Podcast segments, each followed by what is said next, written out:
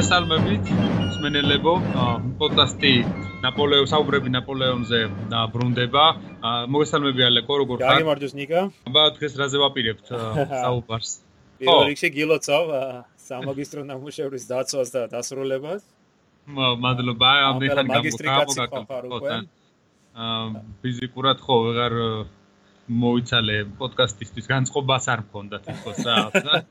აა გადავარნილი იყავი ლაზიკის ხო, სამწუხაროდ მოწყვეტილი ვიყავე ნაპოლეონის თემატიკას და ახლა დაუბრუნდები თან ისეთ სიმბოლურ დღეს, როგორიც არის აი ნაპოლეონის დაბადების დღე 15 აგვისტო. აბა თან ორმაგად სიმბოლური არის ჩვენთვისაც, იმიტომ რომ აა 15 აგვისტო ნუ ნაპოლეონის დაბადების დღე, მაგრამ 15 აგვისტო არის ასე ჩვენი პოდკასტის დაწყების თარიღი და აი წელს შეგვისრულდება 2 წელი.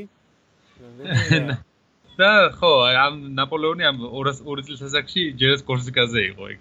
ხო. და თლიანობაში მე მგონი 1700 ხო 1769 წლიდან მოვედით 1809 წლამდე. ხო, ხო, აბა. თითქმის თითქმის მივაღწიეთ პიქს, ხო, იმპერიის პიქს. ხო, თუმცა ხო, პრინციპში მალე იქნება იმპერიის პიკამდეც მალე მივაღწიეთ და მე უკვე სხვა ეტაპზე გადავალთ. ხო, მე მე რომელიც ალბათ ასე რომ ვთქვათ, შეიძლება უფრო საინტერესოც გია ბევრი თვალსაზრისით. აა ვიდრე თქვათ პირველი პერიოდი, მაგრამ გააჩნია როგორ განწყობით პრემტა აფასებ ამას. ხო დამოკიდებლად დამოკიდებულებაზე გვერდზე გადავდოთ და ობიექტურად შევაფასოთ ამ შემთხვევაში. აა მოკლედ დღეს გვინდა ჩვენ ვისაუბროთ აი მეხუთე კოალიციის ომზე, ხო აი მართლაც გარდამტეხ მომენტზე. იმპერიის ისტორიაში 1809 წლის ამბებზე, როდესაც აი საფრანგეთსა და ავსტრიას შორის გაჩაღდა ხელახლა ომი და გვინდა გვინდა აი გავიხილოთ თუ რა მოხდა, როგორ მოხდა და რა შედეგები მოიტანა ამ ამ ყოველივე ამან. შევუდგეთ ხომ? აა შევუდგეთ ალბათ პირველ რიგში მე როგორც ვიცი ან ეს პოდკასტი რომელშიც მე არ ვიყავი წინა პოდკასტში შენ განიხილე ერფურტის ამბები და ასევე ალბათ იტყოდი რომ რა მდგომარეობაში იყო მაშინ რა ხდებოდა ნაპოლეონის ევროპაში? რუსეთს რა ინტერესები ჰქონდა ნაპოლეონის რა ინტერესები ჰქონდა რატო შეხვდა ალექსანდრეს? და რა მდგომარეობაში იყო ამ დროს ავსტრია ავსტრიის იმპერია რომელიც ასე ვთქვა და ნაპოლეონის ომების პერიოდში იწყება თითქოს ავსტრიის იმპერიის უკუსლა აი თითქოს ამ ავსტრიის იმპერია უკვე არის დაღმასვლის გზაზე. აა ანუ ისტორიულადაც მე მგონი ასე ჩანს უკვე ამ პერიოდიდან, რადგან ნაპოლეონი რაც საფრთხო რომის იმპერია იმპერიის დააკარგვინა ავსტრიის იმპერატორებს თითქოს ფორმალური პრინციპში საფუძველი რაღაც გამოაცალა ევროპაში პირველობისა ავსტრიას, ანუ ცენტრალურ ევროპაში და ამის შემდეგ ამ დრომდე 1809 წლამდე ავსტრიელები თითქოს რაღაცა მომენტს ელოდნენ, თავიანთ დროს ელოდნენ, რომ როგორღაც ამოეწყოთ ომი და დაებრუნებინათ ის თავიანთი პრივილეგიები რაც მათ ევროპაში გააჩნდათ. თუნდაც ჩვენ ვიცით რომ იტალიაში როგორი მარცხი განიცადეს მათ ფრანგებთან ომში, ასევე ვიცით მათი უაღრესი წარუმატებლობა 1805 წლის ომში, 1800 წლის ომში, პრინციპში რამდენიმე ძალიან ძიმე დამარცხება მიიღეს, ანუ თითქმის იმპერია იმპერია ასეთ მოკლე დროში რამდენჯერმე ომში დამარცხდა რაღაც გაი გამანადგურებელ ომში, თან ნაწილი ამ ომებისა მისივე ტერიტორიაზე მიმდინარეობდა, როგორც ვიცით, რაც შესაბამისად ძალიან ძიმედ გადაიტანა ავსტრიის იმპერიამ. და 1800 9 წლისთვის პრინციპში ავსტრიელებმა საინტერესო არის ის რომ პრინციპში შეგვიძლია ვთქვათ რომ რაც ავსტრიას და საფრანგეთთან უბრძოლია რევოლუციური და ნაპოლეონის ომები საფრანგეთთან. ალბათ ყველაზე საინტერესო არის ეს ომი იმიტომ რომ დამოუკიდებლად თითქოს ავსტრია ნაპოლეონს ამ ომში და ძალიან გაუჭირდა. პრინციპში ნაპოლეონს ამ ომში ავსტრიის წინააღმდეგობის დაძლევა. ძალიან დიდი წინააღმდეგობა გაუწიეს ავსტრიელებმა. მათ რესურსი გააჩნდათ ამის მაგრამ რაღაცა თითქოს ასე კარგად მათ არასო არ დაუგეგმია და აი როგორც ხა თქვა კარლ მათი ხედართავარი ერთ-ერთი კარლი რომ ავიღოთ თუნდაც აი ძალიან პიროვნება ძალიან კარგი ხედართავარი იყო და პრინციპში კარლს არც ჰქონდა საშუალება წინა ომებში რომ აი ესე ნაპოლეონთან მთელი არ როგორც მთელი არმიის სარდალი ისე ებძოლა და აი გამოჩნდა ამ ომში თქვა კარლის სამხედრო ნიჭი, თქვა ავსტრიელების რა შეეძლო თქვა ბრძოლის ველზე რეალურად, მაგრამ ამავე დროს წარმოაჩინა იმდროინდელი საფრანგეთის, ანუ საერთოდ ნაპოლეონის აი ხედავთარული ნიჭი და აი თვალსაზრისით რომ პრინციპში საფრანგეთს რა რთული ვითარება ქონდა ამ ხრევ ესპანეთში, ომი მიმდინარეობდა და სხვა ფრონტებზეც აი თითქოს არ იყო დაწყნარებული სიტუაცია. ნაპოლეონი უკმაყოფილო იყო ერფურტის მოლაპარაკებებთან თლიანობაში მეტნაკლებად და ამ მდგომარეობაში მაინც ის ახერხებს რომ რაღაცა ამ სიტუაციაში გამოდურეს და ავსტრია ბოლოს დაამარცხოს ისევ ამ ომში რაც ხო გატეხავს მათ წინანდობას და პრინციპში აქ ისეთი საინტერესო მოვლენები მოხდება მე როგორც საერთოდ დანეთესავება ჰაბსბურგებისა და ბონაპარტეებისა და აი სხვა ასეთი საინტერესო მოვლენები და ავსტრიის იმპერიის დასუსტება რომელიც დაცვასაც როგორც მეორე ისტორიკოს არჩევს ტალეირანი ცდილობდა რაღაც ევროპაში ბალანსის შესანარჩუნებლად. ნამდვილად ნიკა ძალიან კარგი მიმოხილვა გააკეთე, მართლაც აი ავსტრიის ვითარების, ჩვენ როგორც თქვი, ძალიან ისეთ ვითარებაში ავსტრია, რომ ერთის ხრივ არ არის თლად იმ ომისთვის მზად 1809 წელს, მაგრამ ამავე დროს ნაპოლეონმა ისეთ დღეში ჩააგდო, რომ აშკარა არის, რომ თუ ის არ თუ ავსტრიელები რამეს არ მოიღონ არ იღონებენ ამ მომენტში, ისინი კარგავენ აი თავის სტატუსს ხომ მდგომარეობას თვითონ ევროპაში. ალბათ იცი რა არის საერთოდ მაგალითად ტალეირანი ხო განიხილავდა ამ ქვეყნებს ავსტრიას, რუსეთს, საფრანგეთს და პრუსიას. თქოს რაღაცა ევროპული ბალანსის თვალსაზრისით აი დაახლოებით თანა ტოლი ძალების სახელმწიფოებს რაღაცა ერთ შეძლებლობებისა აი ხო ეგ ეგ არის ხო და თითქოს სასაწყიში შეგაჩნდეს ცნება ხო ეს პოლიტიკური და პრინციპში ამ შემთხვევაში ნაპოლეონი არ ღვევდა ამ ამ პრინციპს ისე გამოდის აი ისე ჩაგრავდა ეს ავსტრიას და პრუსია ხო საერთოდ გააქრო თითქმის რუკიდან და რაღაც აი ავსტრია ცდილობს რომ თითქოს ეს წესრიგი აღადგინოს ისე ევროპაში ამ მომით ალბათ აი რა რა შეიძლებოდა მათ მათი აი ძირითადი მიზანი ყოფილიყო ამ მომში თქვა რას მოიაზრებდნენ ისინი ნაპოლეონთან თქვა წარმატებული ომით? ა ჩვენ ვიცით რომ თქვა მეტერნიკის საბუთებიდან და მიმოწია მიმოწერიდან რომ მათი მიზანი არის დაიბრუნონ იტალია პოზიციები იტალიაში და გერმანიაში. ეს არის ყველაზე მთავარი მათთვის ეს ჭდილო იტალიაში ლომბარდია ხო ანუ რატო რატო ამბობ? იცი ანუ ნაპოლეონის დამარცხება პრინციპში ავსტრიას წარმატება მიიღწია ამ ომში ეს გამოიწვევდა საერთოდ თლიანობაში ალბათ იმ პროცესს რაც მოყვა 1812 წლის ომს. და დაახლოებით მსგავს რაღაცა იქნებოდა მოსალოდნელი ყველა ვარიანტში იმიტომ რომ მე არ ფიქრობ რომ 1812 წლის პროცესი მე უფრო ვფიქრობ აი ვენის კონგრესის მსგავსი მოლაპარაკება შედგებოდა. ხო, ანუ რას ამბობ, იცი, მანამდე ხო, ეგ პრინციპში ანუ მანამდე მიიყვანდა, ანუ ნაპოლეონი ხო ვეღარ ვეღარ ავიდოდა იმ თავის ძლიერების პიკზე, როგორც ვთქვა 1811 წელს იყო იმპერია. ხო, და ხო, რაღაცა დონეზე შეჩერდებოდა ამ საფრანგეთის იმპერიის და და გავლენის გავრცელება და ანუ რა მოყვებოდა შემდეგ ამას საინტერესო იქნებოდა პრინციპში, მაგრამ ხო, ნუ არ მოხდა, მაგრამ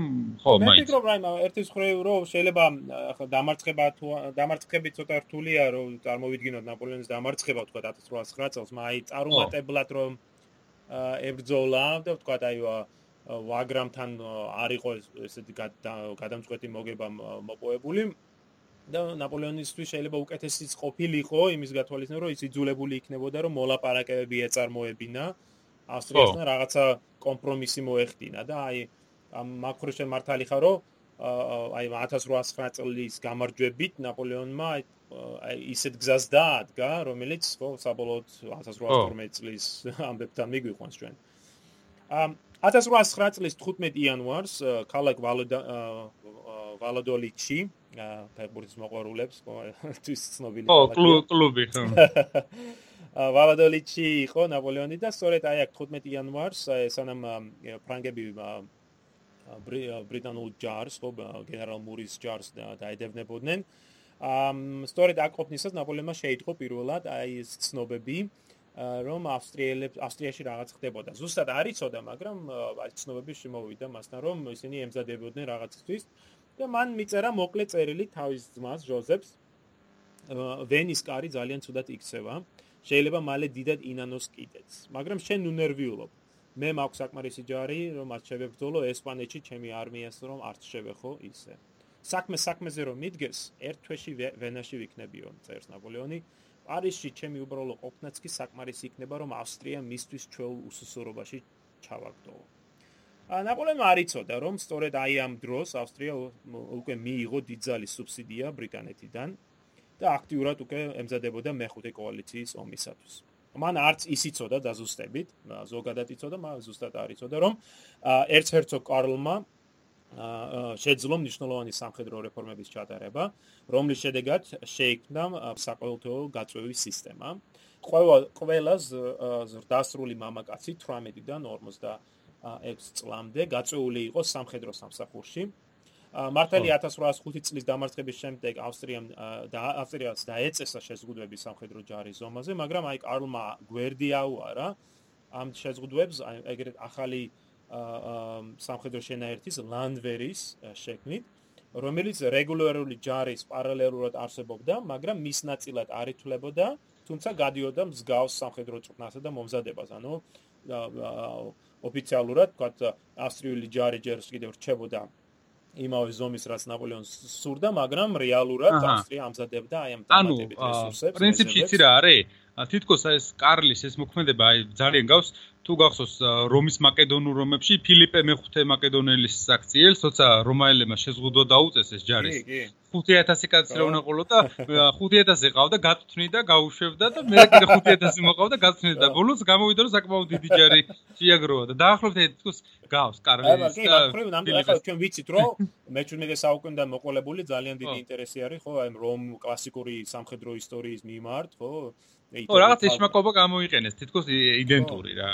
აა მაგრამ აქ ჩვენ ხედავ აი ორივე ხო ამ თქვა კლასიკური რომის ისტორიასთან დაინტერესება ბუნებრივი არის აქაც მაგრამ ამავე დროს არის აი კარლი თვითონ შენ ახსენე არის ძალიან ნიჭიერი ძალიან გამოცდილი მხედართავარი მას არაერთი კამპანია ჰქონდა ჩატარებული ფრანგების ძინაამდე და აი ამ სამხედრო რეფორმაში რომელიც კარმა წამოიწყო მან გაითვალისწინა ამ წინააღმების გაკვეთილები შეისწავლა ფრანგული სისტემა და გაითავისა ის ელემენტები, რომელიც მას აი ფრანგების წარმატების ძირითად ფაქტორებად მიეჭდა. სხვადასხვა აი სწორედ 1806 წელს კარლმა უკვე გამოსცა აი თავისი ცნობილი ძალიან საინტერესო წიგნი სამხედრო ხელოვნებაზე, ომის ხელოვნება გენერალებისათვის.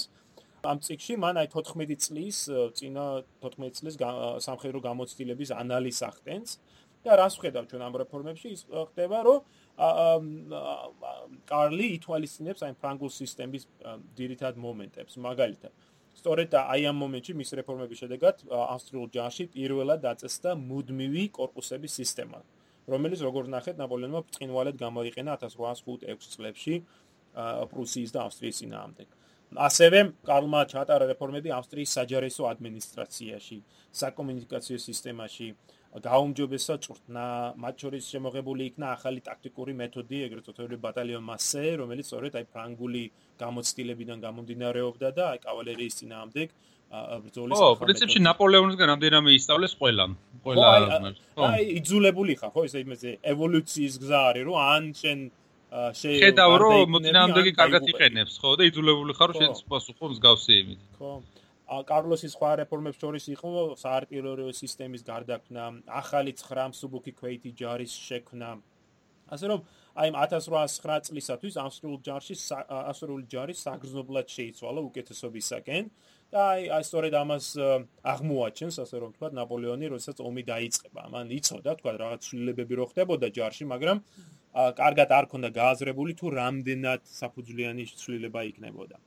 ეს ეს რეფორმები არ იყო დასრულებული 1809 წლისათვის რის გამოც ერცერცო კარლს არ სურდა ომის გაჩაღება სწორედ ამ მომენტში მას სურდა კიდევ 2-3 წლით მოწდა რომ ეს რეფორმები მართლა გამჯდარი იყო და ჯარი მომზადებული ყოფილიყო ომისათვის მაგრამ აქ უკვე პოლიტიკური მომენტი იჩენს თავს და აი მეტერნიკი რომელიც ამ დროისათვის ხო საგარეო საქმეთა მინისტრი არის და აქტიურად მონაწილეობს შიდა განხილვებში აა უпроსო არა, უпроსორიტო არა, მეტერნიკი ჯერ ელჩი არის, ხო, ჯერ არ გამხდარა საგარეო საქმეთა მინისტრია პარიზში არის ელჩად ჯერ.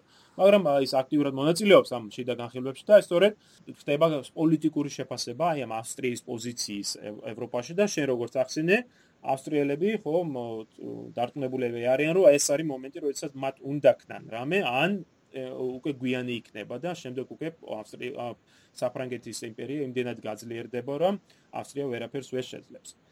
ამ ნაპოლეონსაც აქვს აი ძალიან საინტერესო მიდგომა, თქვა საერთაშორისო ურთიერთობების მიმართ.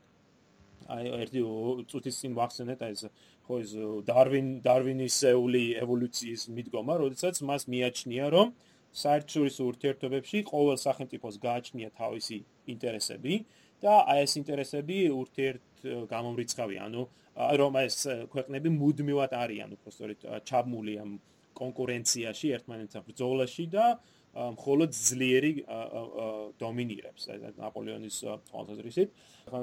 გამახსენდა 1807 წელს აპრილში ტალერმა საინტერესო მემორანდუმი მიწერა ნაპოლეონს, აი სწორედ ურჩევდა ავსტრიასთან ურთიერთობების გაუმჯობესებას და თქვა ერთ-ერთ მომენტში ტალერანი ეუბნება რომ იქნებ შეიყვარო აი ამ სიტყვა ამ სიტყვას იხმარობს ტალერანი ფრანგულად ემე შეიყვარო როგორმე ავსტრია და ნაპოლეონი პასუხობს ამას და თუ არ ვწდები ციტატა არის შეიყვარო. მე მართლაც არ მესმის თუ რას რას ნიშნავს ეს სიტყვა საერთაშორისო ურთიერთობებშიო. ნაპოლეონი მუდმივად იცოდა რომ ავსტრიას სურდა აი მარენგოს ულმის აუსტერლიცის ლუნევილის პრესბურგის აი ამ ფრანგული მიღწევების გაქარწყლება და იტალიაში და გერმანიაში თავის პოზიციების დაბრუნება და ბუნებრივია რომ ნაპოლეონს ამ ამის დაშვება არ სურდა. მაგრამ აი მომენტი არის რომ აი ცდება ნაპოლეონი 1808 წლებში, როდესაც მას ის ფიქრობს რომ ვინაიდან ავსტრიას არ ყავს მოკავშირე ევროპაში, ვინაიდან ის მარტოა. ვინაიდან ერთადერთი ქვეყანა რომელსაც შეუულია რაღაც დახმარების გაწევა ავსტრიისათვის არის ბრიტანეთი და ისიც ხო მოშორებით არის. რომ ავსტრია ვერ გაბედავს. ომს საფრანგეთის ძინაამდე.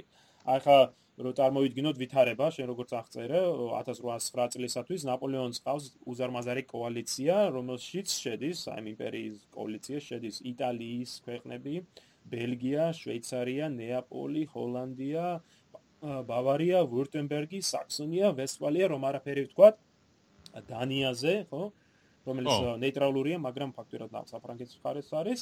და აი მცირე პატარა მცირე გერმანულ სახელმწიფოებზე.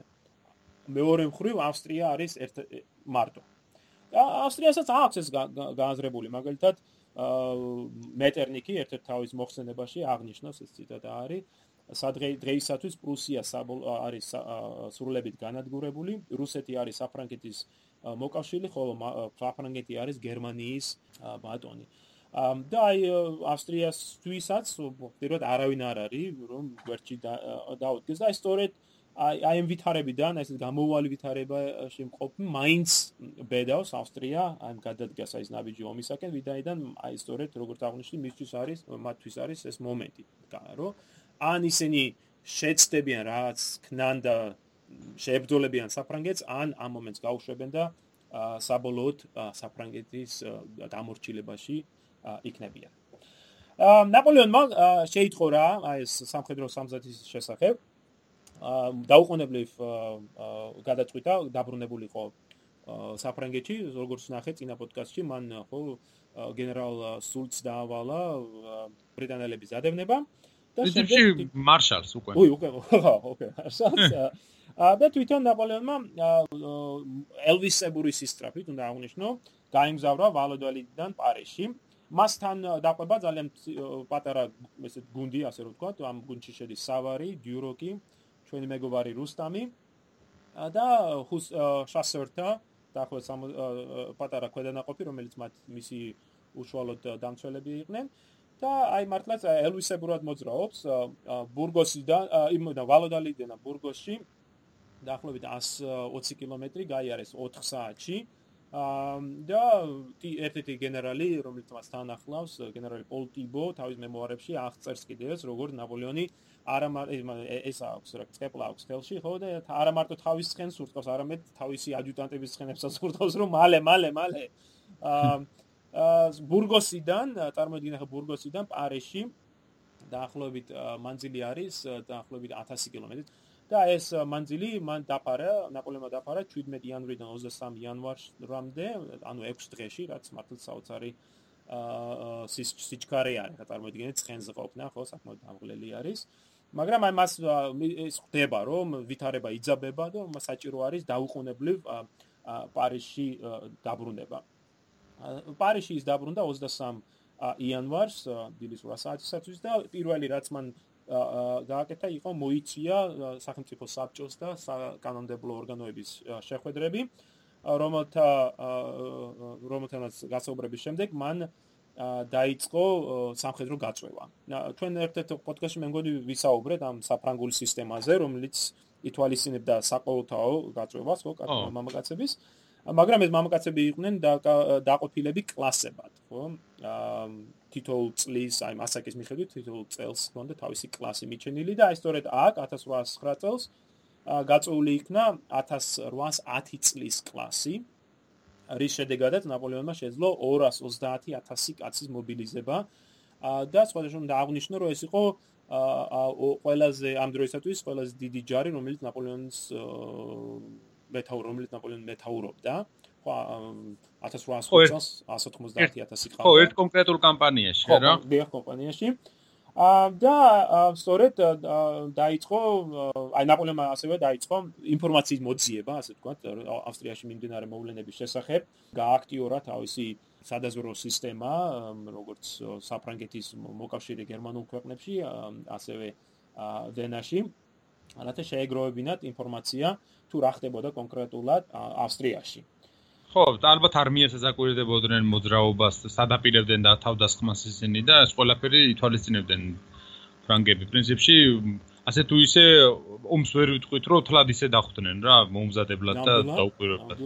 მა ის იცი რა არის ახსენიშნავია რომ ნაპოლეონმა სწორედ აი მომენტში ავსტრიისათვის რომ ემზადება ომისათვის ნაპოლეონს მა მიიღო საინტერესო მოხსენება ერთ-ერთ თავისი სადაზვერო სამსახურიდან ჩვენ ვისაუბრეთ ამაზე რომ ნაპოლეონს რამოდენიმე სადაზვერო სამსახური ჰქონდა რომელიც ასეთ რომლებსაც ის იყენებდა ერთმანეთი ამ თითოეული სადაზვერო სამსახურის კონტროლისათვის ხო? და მოკლედ ერთ-ერთი სადაზვერო სამსახურიდან მან მიიღო შეტყობინება რომ ტალერანსა და ფუშეს შორის, რომლებიც როგორც ვიცით, დიდი ხნის განმავლობაში ერთმანეთის მოკიშპეები და მოწინააღმდეგეები იყვნენ, რომ მათ შორის მიმდინარეობდა მოლაპარაკება, საიდუმლო მოლაპარაკება, სხვა შორის შეიძლება ამასაც აა დავარქვათ აი ნაპოლეონის წინამდებ მიმართულ შეთქმულებასაც, რომ ისინი აა აი საუბრობდნენ იმაზე თუ რა მოხდებოდა თუ ნაპოლეონი მოკვდებოდა ესპანეთში ხო თქვათ შემთხვევით ვიღაცამ გაარტყა თქვია ან ანს ჩავარდა ესპანელი გვერილესების ხელში. და თქვათ აი რა მოხდებოდა და აი აღმოჩნდა რომ აი ტალერანი და ფუშა ფიქრობდნენ ამ დროს მიურატის საფრანგეთის ტახტზე დასმაზე. და ნაპოლეონმა შეიტყვა ამ ამ ამ ამის შესახებ.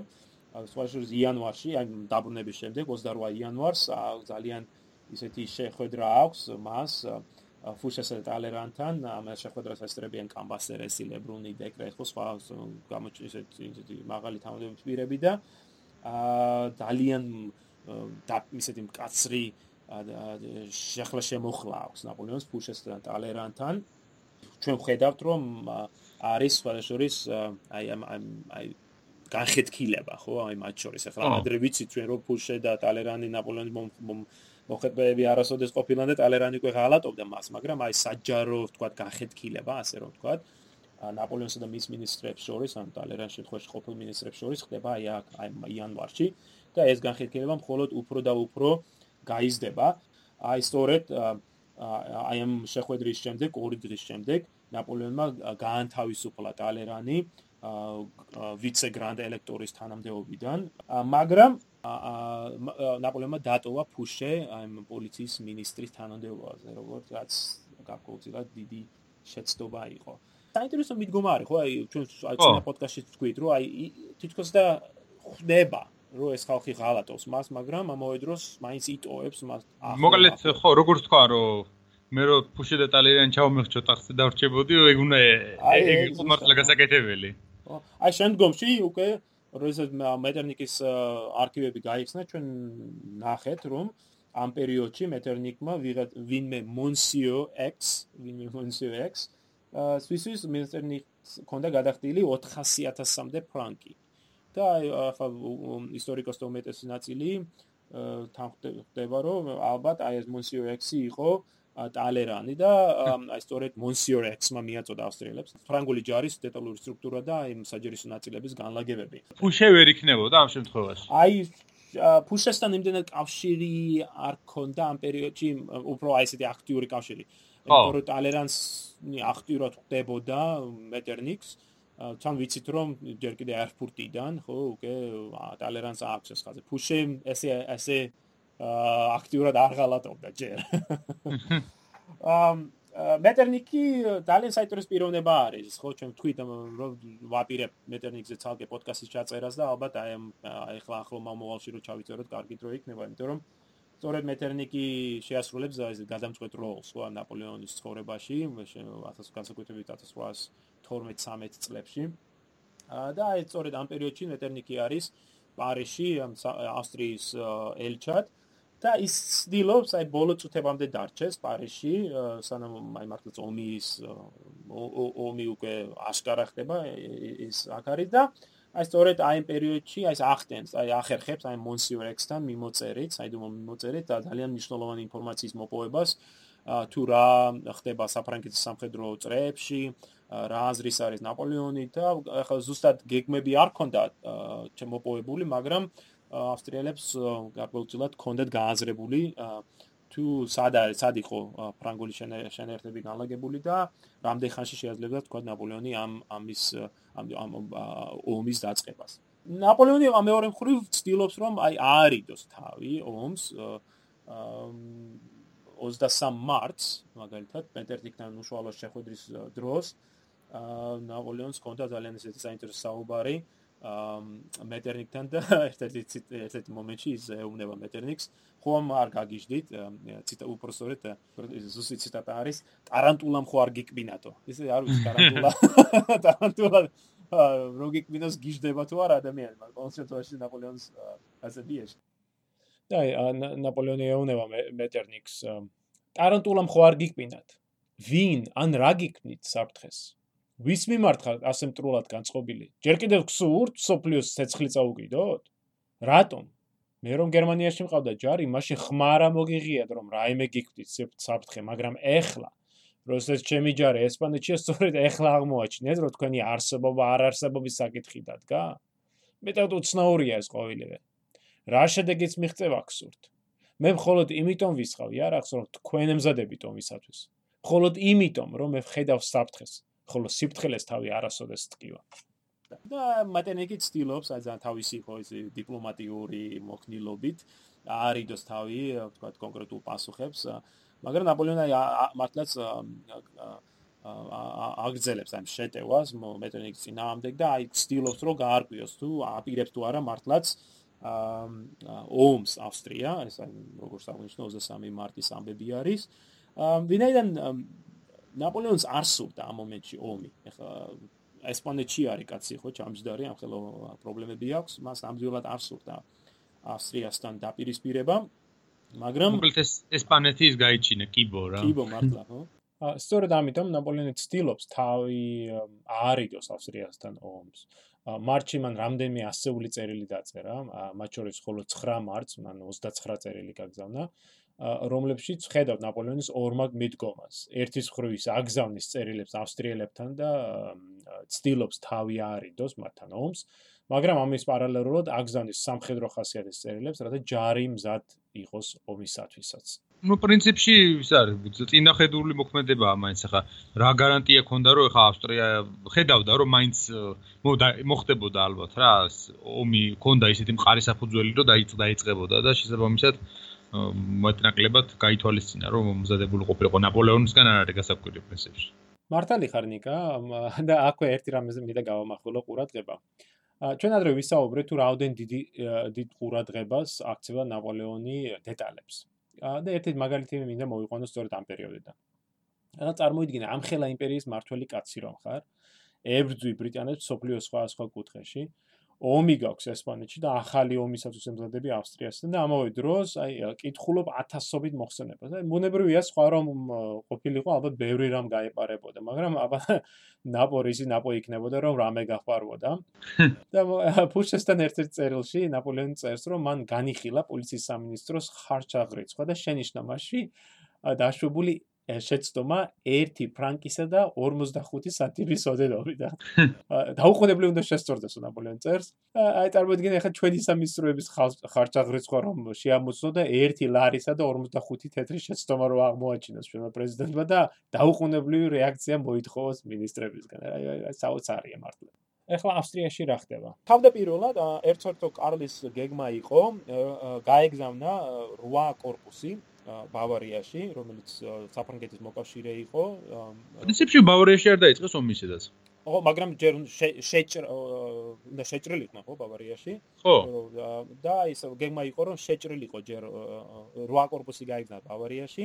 ამავე დროს ერთი корпуსი შეიჭრებოდა ვარშავის საჰერცოგოში და ორი корпуსი შეეცდებოდა ფრანგების განდევნას იტალიიდან. აა ამავე დროს ავსტრიელები იმედოვნებდნენ, რომ პრუსიელები შეუერთდებოდნენ მათ, ის რაც დარჩა პრუსიისგან უბრალოდ და რომ ისინი ავსტრიელები შეძლებენ ანტიფრანგული ამბოხებების გაჩაღებას გერმანიის სახელმწიფოებში, აი გერმანული ნაციონალური ეროვნული ხოსულის კოდების გაღვევდა. მაგრამ აი ამ არ გამოვიდა ხო? ხო, მარტი-აპრილისათვის უკვე ირკვევა რომ უბრალოდ აი მარტის მიწროლისათვის ირკვევა რომ პირველ რიგში რომ პრუსია არანაირად მზად არ არის ომისათვის და მეორე რომ არც გერმანულ სახელმწიფოებში არსებობს საკმარისი ეროვნული სულისკვეთება რომ დაწყებულიყო ეს ამბოხება. ამიტომ იძულებული არის აი ერცოგ კარლოსი აი ბოლო მომენტში დაიწყოს ცვლილებების შეტანა ამ ამ ამ თავის გეგმაში რის შედეგად აი მართლაც ავსტრია არ ავსტრიული ჯარი ცოტა არ იყოს დაბნეული იყო და ომის დაწყების დაწყებისას აა ერთმანეთის საწინააღმდეგო ბრძანებები არის გაცემული თქვა აა საკორპუსო მეტაურებებსაც ამავე ამავე დროს ნაპოლეონმაც დაიწყო ამ ზოგადი სტრატეგიის შემუშავება თავის ჯარისათვის. აა ავსტრიის ძინამდე საბრძოლველად შექმნილი გამოყენებული იქნა ეს გერმანიის არმია ხო რომელსაც ოფიციალურად ფორმალურად სათავეში ედგა მარშალი ბერტიე. დაიდან ნაპოლეონი ჯერ კიდე პარიზში იყო. მაგრამ აი ჩვენ აქაც ხედავთ აი ფრანგული სისტემის პრობლემებსაც. ვინაიდან აი რატო ბერტიე, ხო? ბერტიეს არასოდეს არ ქონია სამხედრო აი მეთაურის გამოცდილება, ხო? ყოველთვის არა საშტაბო. ხო, შტაბ შტაბის ის იყო, ხო. მაგრამ აი რატო არა დავუ ან მასენა? იმიტომ რომ დაუდა მასენას ერთმანეთში ძალიან რთული ურთიერთობა ჰქონდა და ნაპოლეონს ესმოდა რომ თქვა დავურო დაენიშნა მასენა არ დაემორჩილებოდა. და საპირისპიროდ ხო? ნაპოლეონს სურდა შეექმნა ეს უზარმაზარი ბატალიონ გაღე რომელიც ჩვენ ვისაუბრეთ ხო ეს ოთხკუთხა რომბის ფორმაცია რომელიც რომლის კუთხეებში იქნებოდა თითოეული მარშლის корпуსი აა და რომელიც ომის დაწყების შემთხვევაში და რომელიც ნაპოლეონს სურდა ავსტრიელებს დაეწყოთ ვინაიდან ეს მას მისცემდა ხო ეს თავდაცვითი ომის წარმოების პროპაგანდას. და აი ომის დაწყებისას ეს ფრანგული კარე კაღე ბატალიონ კაღე დაიწყებდა უკუსლას სპეციალურ პოზიციებზე სადაც შეიტყუებდა ავსტრიელებს და განადგურებდა მას. ამ დროისათვის ნაპოლეონს მართლაც გააჩნია საკმარისი ძალები გერმანიაში, აქ არის მის საუკეთესო корпуსები, მათ შორის არიან ხო ლეფევრის ბავარიური корпуსი, ბავარიელებმა გადასცეს სამი დივიზია ფრანგებს, რომელსაც ლეფევრი ხელმძღვანელობს. დავუს უზარმაზარი корпуსიც აქ არის, ყველაზე დიდი корпуსი სწორედ დავუსა აქვს, განლაგებული იყო ბაირუთსა და ნიურნბერგს შორის. აა მის ფრანგების მარჯვენა ფლანგზე არის უდინოს корпуსი, ხოლო მასენას корпуსი უკან არის ამ ამ ამ ამ корпуსებს უკან ამ არიერგარდს ქმნის, ასე რომ ვთქვათ. კავალერიის რეზერვი არის ბესიერის მეტაურობის ქვეშ, არა მიურადის, არამედ ბესიერის ქვეშ. და ბუნებრივია იმპერიის იმპერიის guardiats, ხო, იმპერატორის guardiats, მალე ჩაერთვება ბრძოლაში მთლიანობაში. გერმანიის არმია დაახლოებით 160.000 ადამიანს იწვლიდა და მათ 286 ქვემეხი გააჩნდათ. და ისინი ისე იყვნენ განლაგებული ამ ბატალიონ კაღეს ფორმაციაში, რომ რატისბონი, ქალაქ რატისბონის ირგვლივ ხდებოდა მათი კონცენტრაცია. მაგრამ აქ არის ერთი რამ აღსანიშნავი, ნაპოლეონმა რო გაგზავნა ბრძანებები ბერტიესთან, მან შემდეგნაირად აუხსნა მას. თუ ავსტრიელები შეუტევდნენ 15 აპრილამდე, მაშინ ბერტიო უნდა დახეულიყო უკან და კონცენტრაცია მოეხდინა ორ ქალაქ შორის, აქსბურგსა და დანაუერს შორის. ხოლო თუ ისინი შეუტევდნენ 15 აპრილის შემდეგ, უკვე ეს კონცენტრაცია უნდა მოეხდინა რატისბონთან, დღევანდელ რეგენსბურგთან. და ეს მნიშვნელოვანი ფაქტორია, ვინაიდან ჩვენ დავინახავთ თუ რა მოხდება შემდგომში აი ამ ბრძანებასთან დაკავშირებით. ავსტრიელებთან ბრძოლის წინ ნაპოლეონმა სთხოვა დახმარება რუსეთს. რომ როგორც ნახეთ ერფურტში, ხო? შეხვედრის დროს ალექსანდრე დათანხმდა გაეწია სამხედრო დახმარება ნაპოლეონისათვის, თუმცა არ იყო დაკონკრეტებული თუ როგორი იქნებოდა ეს სამხედრო დახმარება. აი ახლა უკვე ამ მარტს აპრილში ნაპოლეონი ითხოვს ამ სამხედრო დახმარებას. ალექსანდრეს მართლა არ სურს ამის გაკეთება, მაგრამ საბოლოოდ იძულებულია გაგზავნოს დაახლოებით 70000 კაცი პრინც გოლიცინის მეტაურობით რათა იბრძოლონ ავსტრიელთა წინააღმდეგ. ფორმალურად ავსტრიამ გამოაცხადა ომი საფრანგეთისა და ბავარიის წინააღმდეგ 3 აპრილს, ხოლო 6 აპრილს ერცერცოგ კარმა გასცა პროკლამაცია, რომელშიც მოუწოდებდა ავსტრიელ ხალხს დამდგარიყვნენ ფერზე დახმარებოდნენ სახელმწიფოს, ან ხელისუფლებას, ან გადამწყვეტი ომის წარმოებაში. 4 დღის შემდეგ ანუ უკვე 10 აპრილს 127000-მა ავსტრიელმა გადაკვეთა ინის მდინარე და შეიჭრა ბავარიაში, რითაც ფაქტურად ხდება აი ფორმალური ომის დაწყება. ნაპოლეონი როგორ დავინახეთ, ელოდებოდა აი ავსტრიის აგრესიას და სწორედ აი ინის მდინარე ინის გადაკვეთა და ბავარიის შეჭრა სწორედ ის მიზეზი გახდა რომელთაც მეხუთე კოალიციის ომი დაიწყო. ალბათ აჯობებს რომ დღეს დავასრულოთ ამით ჩვენ პირველი ეტაპია ანუ ომის დასაწყისი მთლიანად ეს რატომ დაიწყო თუ რომელ მხარეებს რა ინტერესები ქონდათ ეს ყველაფერი ვისაუბრეთ ამის შესახებ და უკვე შემდგომ პოდკასტში შემოგთავაზებთ თითოეული ამ სამხედრო კამპანიის დეტალების განხილვას აი დიდი ბრძოლების რომლებიც ამ ომში მოხდა და ძალიან საინტერესო დასრულებას ამ ომის თვითონ რა შედეგები მოიტანა და შემდგომში ნაპოლეონმა ან რა შეცვალა ევროპა ევროპაში ამ 1809 წლის ომმა. შემდეგ oczach od rana. Mimo od.